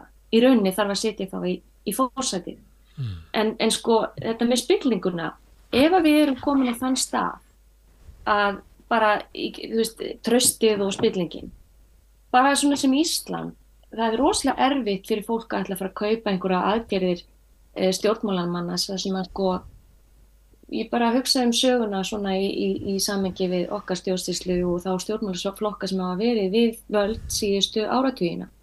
Þeir eru nú sérstaklega tveir. Eh, hvað sem það er einokun, sko fyrsta hérna hollið á einokunni og hvernig það fór, hvernig manni var heilt þar. Eh, sala á ríkisegjum var að tölta mis núna nýverið. Veist, það, það er bara alveg ræðilegar, ræðilegar upptalningar e, allar ákvarðanir, stjórnvaldsákvarðanir eru bara teknur oft í, í svona einhverjum prívat hérna, herbergjum, ekki einu svona þingnefndin haf með í, í hérna ráðum. E, minnistætt er þegar Ísland hérna setti sig á lista yfir viljuar þjóðir sko í sambandi við Írakstrið. Það voru bara tveiri menn sem tóku þá ákvörðum fyrir alla þjóðinu. Þegar stjórnmálinn fara fram með þessum hætti, það sem er ekkit samráð við þjóðunærum og ekki einu svona við alþengi, Uh, og síðan kemur ljós að þessi sami hópur er kannski bara í því að hyggla einhverjum sérhagsmunum, ekki fyrir hann þjóðarinnar uh, og að því við erum náttúrulega með þessi, þessi stjórnmál þar sem við erum náttúrulega með marga flokk á þingi þannig að alltaf eru þessi sumi flokkar einhvern veginn viðvöld þá verður trúverlauki náttúrulega býður alveg svakalega, ég minna það, það treystir enginn svona stjórnmálumönnum og ef þú getur til dæmis farið í, já bara Já, ásmundasal og, og í partjá menn allir sita heim í einhverju kúlu, ég bara fyrir geðu, maður verður bara að, að þetta er ástæð fyrir að fólk treystir ekki lengur stjórnmálmennum. Ef þeir setja ekki fordæmi sjálfur að vera ekki partur af einhverjum innherjarsvikum eða taka þátt í, í aðtæði sem að er, er, er gegn því sem að almenningur e, þarf að, ég menna, þú fer út í búastil og samlöku, þá, þá ertu bara settur í djelið, sko, mm. mögulega. Mm. Um, þetta er Íslandi komið á sérstaklega stað og við tölum um það hérna áður um eitt hvernig við erum að hrinja niður á öllum alþjóðlegum listum og hérna okkar sem sagt hvernig við treystum stjórnvöldum í Íslandi fer líka hriðlakkandi augljóslega. Mm. Um, ég reyndar sá þeir tala við einmitt hérna hann professor í gær og, og hérna hann Ólaf Þórn Harðarsson jújú þetta er svona oft sem að það er slumpa niður ríkistjórnunar en á heimsvísu í sagt, þessum löndum sem við viljum með okkur við, þá er samt einhvern veginn þannig að, að fólki tristir stjórnmálum minna og minna. Þetta gæti verið partur af upplýsingaflæði, þetta getur líka verið partur af aukinni mentum, fólk hefur, hef, hefur meiri kannski vit á því sem er að gerast í kringu sig og, og burði til þess að dæma, en, en það breytir því ekki að ef að stjórnmálumennir okkar, ef við tristum þeim ekki, þá erum við ekki að fara að glíma við þessi stóru vandam bara ekki séns. Bara enga við En það er að, þú sagður í upphafi að þegar þú værir að skoða svona umræðin á Íslandi að þá kemur óvart hvað var í svona lítill ekki mark á, á þeirri ásum að við stöndum fram með fyrir, varandi í lostasmálinn og við finnum þetta alveg á samstöðinni, við skrifum fréttir um, um segjum fréttir af, af umhverfinu og það dreifast á samfélagsmiðlum að þá kemur það bara mjög fljótt svona fólk svona sem bara hafnar þessu, finnst þetta að vera bara tröflun að vera að tala um svona eða, eða sekta markita og þannig að umræðan er svona svolítið þar að hérna um, eins og sé verið að abbast upp á fólk með að frettir sem að það vil ekki heyra. Þetta er í eitt hug, getur verið að, að því að Ísland er svo lítið, að þú er búin að tala um það, við erum smá þjóð, að þá sé það svo ríkt hjá okkur að, að við munum ekki bjarga heiminum sko, þannig að kannski skiptir ekki miklu máli hvort að við tökum marka þessu eða ekki. Þetta, ef að stóru þjóðunar takk ekki marka þessu, að þá mun heimuru farast og við með. Ég myndi einmitt segja sko að, að af því við erum svo lítil að það var svo mikið mál fyrir okkur að líta til lengri tíma og vera með aðgerra áallanir á öllum stegum sem gerir það verkum að við erum ekki að mis, hérna, búa til meira misrætti vegna þess að það er alveg staðrind að, að ef að aðgerðirnar og ef að loftlagsmáin og hækkun og verði og matveru og allt þetta skilir sig þannig að það verður aukið hérna, misrætti, fyrir hérna, ójöfnur eikst þá eru við sem samfélag komin á mjög hættulegan stað. Vegna þess að okkar samfélag í rauninni byggir all, okkar grunngildi og okkar svona, hvað maður segja, okkar velferðarsamfélag. Ástæðan fyrir því að við vorum hátt á sagt, hérna, þessum öllum þessum skölum, sérstaklega í sambandi við þróunamarkmiðin og, og hérna, sjálfbóri þróunamarkmiðin og, og heimsmarkmiðin, við vorum alltaf að skora hæst vegna þess að það var jöfnöður, það var velferðarsamfélag sem sett okkur þarna sem eitt af samkeppnist hæfustu ríkjum heims í rauninni. Ef við fyrir að grafa undan þessum grunnstofun, þá fyrir við myndið að hrinja nýra hún að lista og erum farin að skipa okkur í sess með, með kannski löndum í Östur Európu eða Suður Európu og það er bara gerast. Þannig að þetta er kannski, við, við einhvern veginn verðum að bregðast við, þessu, það vantar heildarmyndina og ég, þetta með Íslandingarna, það, það, ég held að sé reynda svolítið kynnslóðamunur á því hvernig fólk bregst við þessum fréttum. Ég held að yngra fólk sem að mögulega kannski fær meiri og upplýstari umræðu í skólum sé svona meira opnari fyrir þessu og, en, en eldri kynnslóðin er svona þessi kynnslóð sem að sko finnst bara ekkert að ég að veiða bara kvali og þá þeir séu þarna einhverju marga klukktum að þjást það bara, það, þetta er bara annar hugsunarháttur en það, það, ég held að sé samt rosalega mikilvægt þess að fólk sem að er í þessum, og þú talaði eflaust um þetta í aðan, fólk sem er sko í þessum hugarfari að allt séu samfæriskenningar, samsæriskenningar fyrir og hérna það sé ekki meira en að vera að pota upp á einhverju vittlesu vegna þess að það sé verið að hafa þeim fyrir að grafa undan globalistarnir við og eftir þeim og allt þetta sko, þetta er, þeir eru, þetta er rosalega hávar hópur. Ég meina það Á Íslandi áttu við, á Íslandi. Já, bara allstaðar mm. og líka á Íslandi og komir alveg óvart því að ég tók þátt í svona hópi og, og ég, það mér fannst alveg sláandi um, hvað, þetta er hávarhópur, þó þessu bara frekar fáir einstaklingar vegna þess að þetta er mjög íslensku. Þetta er svona eins og þegar hérna, við vorum öll að mótmæla bankasölni.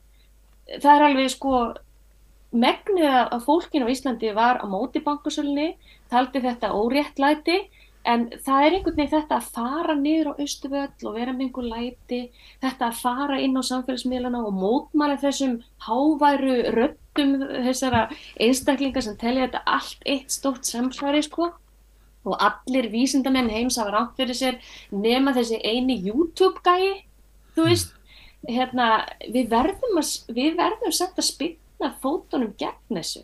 Þetta, veist, því þegar hlutinni vestná það fyrir að vera meira óréttleiti þá leita fólk alltaf af einhverjum svona já, scapegoat og það er svo auðvelt að sannfara fólk um svona populis, populisma og þá geta óprútnir stjórnmólamenn sem að missa fylgi sitt vegna út af spillingu og slíkum málum þeir sækja bara í svona hóp mm.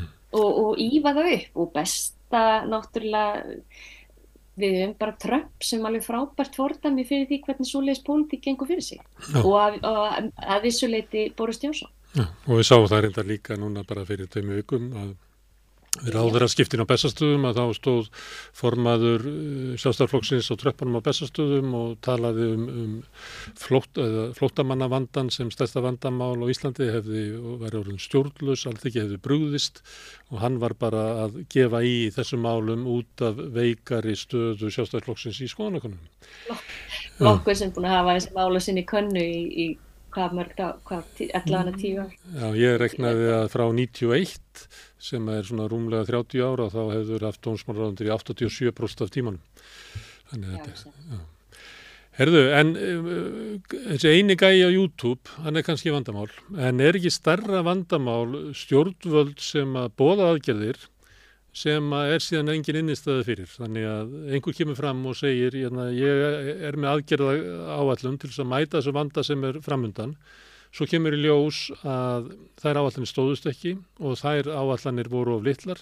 Þannig það var umvel ekkert gert. Þetta er ekki miklu hættulegra fyrirbriði stjórnvöld sem að lofa miklu, standa við lítið, gefa, heldur en þessi gæi á YouTube eða innringjandinn á á útvarpi sögu eða þessi komment á Facebook sem ég var að kvarta henni yfir áðan sem hefur kannski ekki átt að gera Sko reyndar er þetta náttúrulega YouTube-gæin er oft reyndar borgaður af kannski sérhagsmunum sko þannig að við skulum setja mm. það allt í samingi það er nefnilega stóra vandamáli er að, að á bakvið þennan populisma og bakvið allar þessar þetta er ekkit alltaf ástæðu lausu, það er hérna engar tilvinnir oft í þessum dúr, margt að þessu er hérna bara borgað af sér hagsmunum, hvað sem það eru óljufyrirtækin eða önnur lífjafyrirtæki og svo framvegist, þú bara getur pikkað. Þannig að það eru, það er, er staðrind að atvinnulífið, ég held að Íslandingar séu nú svona ekki orðnir svona atvinnlíf á Íslandi sé ekki orðið jafn sofistikerað í þessum en ég hugsa samt að, að, að til dæmis með stjórnmálun okkar og við tókum held ég öll eftir því í síðustu kostningum þegar að hérna þegar að fóra að koma svona alls konar áróðurs YouTube-vídeobönd til dæmis. Og ég held að þetta verði mikil aukning á þessu í næstu kostningum þar sem að sko það verða óprútnir og ég held að vinstri þurfum svolítið að, að gæta sinna þessu því ég held að hæri sé miklu sleipnara í þessu að senda út svona misvísandi skilabúð til þess að einmitt að dreifa umræðinu og allt aðra staði og ífa upp þessa hræðsluga hvort flótafólki og sem að þú veist flótafólk tekur svona mikið sko það mm. við erum bara með 80.000 útlendinga, svo ég kallega það, sem eru bara að bera hakkerfi á herðum sér sko Uh, þessir flótamenn taka svo lítið og er bara frábær fjárfyrsting til einhvers tíma en ok en mér, ég er bara svo hrætt, við það að það, það, þessi sérhagsmunir þeir geta verið alveg ótrúlega sleipnir í að setja út skilabóð á interneti og hrætt í heila fólks og, og, og íft upp einhverja hræðslu sem bara stennst yngan veginn. Mm. Þannig að YouTube-gæinn hann er bara svona, eh, já hann er, hann er, hann er sennilega borgaður af einhverjum og allir, ég reyndar kíkti á þessa YouTube-gæði sem var verið mikið verið að vísi og allir höfðu þeir unnið á einhverjum tímapunkti hjá þessum sérhagsmunahópum eða fyrirtækjum mm. sem að umrætti mm. þannig að þannig að þeir eru hættulegir en það sem ég var að spurja það sem ég var að spurja hvort að stjórnvöld sem að lofa aðgerðum sem Já. að standast ekki hvort að þau sé ekki raunverulega það hættulegsta Sko í rauninni eru stjórnvöldin okkar ekki droslega mikið að lofa miklu því að þessi lofurðera sem að þau hafa verið að vera, hérna, lofa kannski meira erlendis, ég meina eins og þetta með að draga úr loftlags hérna, útblæstrinum sko, uh, stórar yfirlýsingar varðandi hvað, hvaða target við ætlum að, að ná og við erum bara ekkert að ná því. En ég get ekki séð nema einhverju örfáur menni í, eða, og konur í umhverfismálum sem að er eitthvað að steita nefanum gegn því.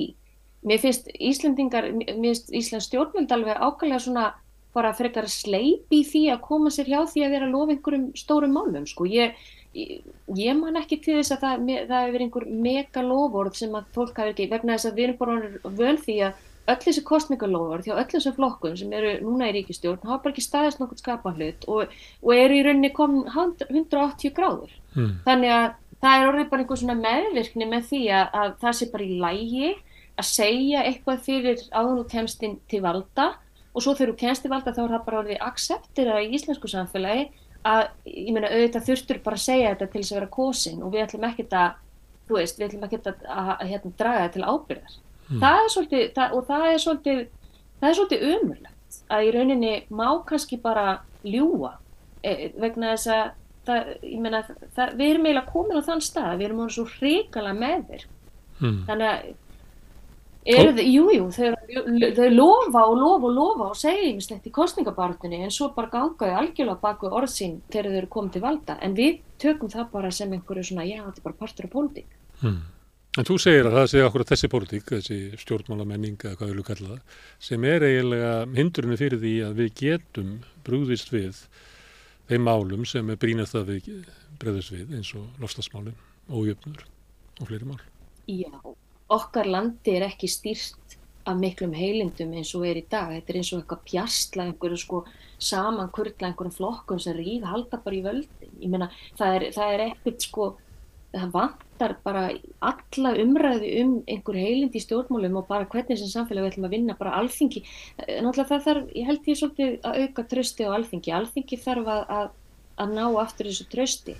Um, það vantar líka bara alla samræðir ég, meina, ég held að ástæðan fyrir að Sviss er svona hæst metið varandi trösti stjórnmáluna getur verið vegna þess að það er meira beint líðræði mm. af hverju eru við ekki til dæmis að skoða meiri, meira það að, að margar og fleiri ákvarðinir séu teknar og líðræðislegum fórsundum það sem er bara hægt að hafa rafrænar kostningar Ég meina, af hverju eru við ekki sem samfélag að íta undir miklu róttakari umræði í kringum öll þessi mál sem skipta í rauninni máli? Af hverju er samfélagið ekki hluti af því þegar að vera vopla vaða lauruglu? Af hverju getur ríkistofnun í alvörni haldið í fram, eða þessi, þessi eini ráþeira, að, að það sé eitthvað öryggismál að fela hvaða vopna hefur verið keift fyrir civilian police? Að meðan að sko alþjóðlegar hérna, staðlar og, og, og umheimurinn er að segja og er að hvetja lönd til þess. Þetta er ekki hér, þetta er ekki leinu þjónusta við erum að tala um civilian police. Og það er til dæmis talað um það að það sé kritikal fyrir lönd að vera með algjöra sko e, gagsægi í vopnakaupum. Þetta er bara orðið, veist, þetta er mikið talað um þetta. En að einhverjum ástæðum er, er við með ríkistjórn í sko 380.000 manna samfélagi sem fyrir að kaupir einhver bönsa einhverjum vopnum og telur það ekki sem sagt Eh, það er bara svo rosalegt örgismál að við megum bara ekki vita hvaða vopnir þetta eru. Er verið að slá rík í augu almennings, þetta er rugg. Þetta stennst enga skoður. Vandamáli er hins vegar að enginn er dreginn til ábyrðar. Partur af því eru fjölmiðlarnir. Það er bara yfirleitt ekki þannig að, að, að, að stjórnmálamenn þurfi nokkuð tíman í alvörni að svara fyrir sig. Uh, og, svo, en, og í, í stærstu málanum eins og Íslandsbakamálanum þá er allt í einu spó, við erum eiginlega samt ennþá að spá í ráþeira ábyrð. Veist, það er ekki einu svona, þannig að, veist, á hvaða stað erum við komin þegar það kemur ekki okkur við í hvað okkar skattpinningum er eitt. Þetta er náttúrulega, ég, nú er ég bara farin að ranta sko, en, hérna, en, en þú, við tölum um trösti og stjórnmálinn, minna við erum bara að setja, þetta er orðið, þetta er orðið svo súrealist, hvernig Ísland er orðið og hvað við erum að láta yfir okkur ganga. Að þá er ekki, þá er ekki um að vona að við sem ekki, þessi ekki hægt að tala um heilbyrði stjórnmjöl og samræði vettvang og alvöru framtíðasín og, og samvinnu og, menna, glemdi, það er bara allir einhvern veginn í, hverju, í sínu hverju hotni er en að fela einhverju upplýsingar fyrir alþingi, nei fyrir alþingi og þjóð. Það verðist vera aðalmálið. Mm. Það, við þurfum að endurreisa stjórnmálamenninguna, hluti af því er að endurreisa fjölmennarna og, og við erum hér á samstöðin að gera það sem að við getum til þess að búa til fjölmiðil á sama tíma og þeir eru að rinja. Má ég bæta við einu? 1989 minni mig, nei 88 fyrir ekki, þá kom grein í þjóðvílan og það var Karl Birgisson sem, að, sem var að tala um pólitík og peningar og hvenar á, um, hvenar á ekki blanda þeim saman. Og þetta var alveg ágættis grein en það bara sorglega við þetta var það að því hann nefndi einmitt í þessi grein að það væri þá engin lög eða ekkert til um til dæmis að stjórnmálamennum bæri að eh, hérna, sagt, að sína fram á sína eigin fjárhags eh, veist, hérna, upp, upplýsingarskildu stjórnmálamanna um eigin fjármál. Þetta er 1990, eh, 1988 og við erum ennþá í þessu að, að, sko, að það eru hagsmunna, fólk er að feila á einhverjum hagsmunnaskráningum á alþengi sem ætti bara að vera brottrestraru, þú veist, sök úr pólitík með að við, til dæmis, ef við byrjum okkur saman í Norðurlandi en, en við erum náttúrulega á allt öðrum stað.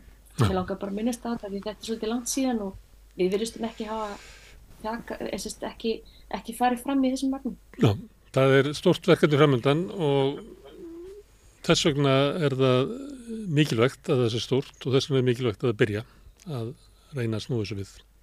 Helen, takk fyrir að koma hérna við í gegnum fjárfjöndabúnað að rauðaborðinu og þetta, á, og þetta eru lokin á rauðaborðinu í kvöld, hér á eftir þá mæta þeir Stefan Pálsson og Ólafur Bjarni Hákonarsson og segja okkur fókbaltasögu fyrir svefnin sem að vanalega snýst um pólitík, miklu frekar heldur en fókbalta og svo verður rauðaborði hér aftur á sama tíma annað kvöld klukkan átta.